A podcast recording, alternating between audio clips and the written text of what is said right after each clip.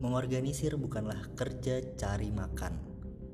Maka, masih inginkah Anda menjadi seorang pengorganisir rakyat?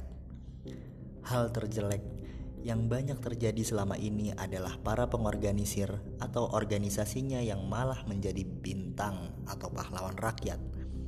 Satu kunci keberhasilan proses pengorganisasian adalah memfasilitasi mereka sampai akhirnya mereka dapat memiliki suatu pandangan dan pemahaman bersama mengenai keadaan dan masalah yang mereka hadapi. Jika Anda bukan bagian dari penyelesaian, Anda merupakan bagian dari persoalan.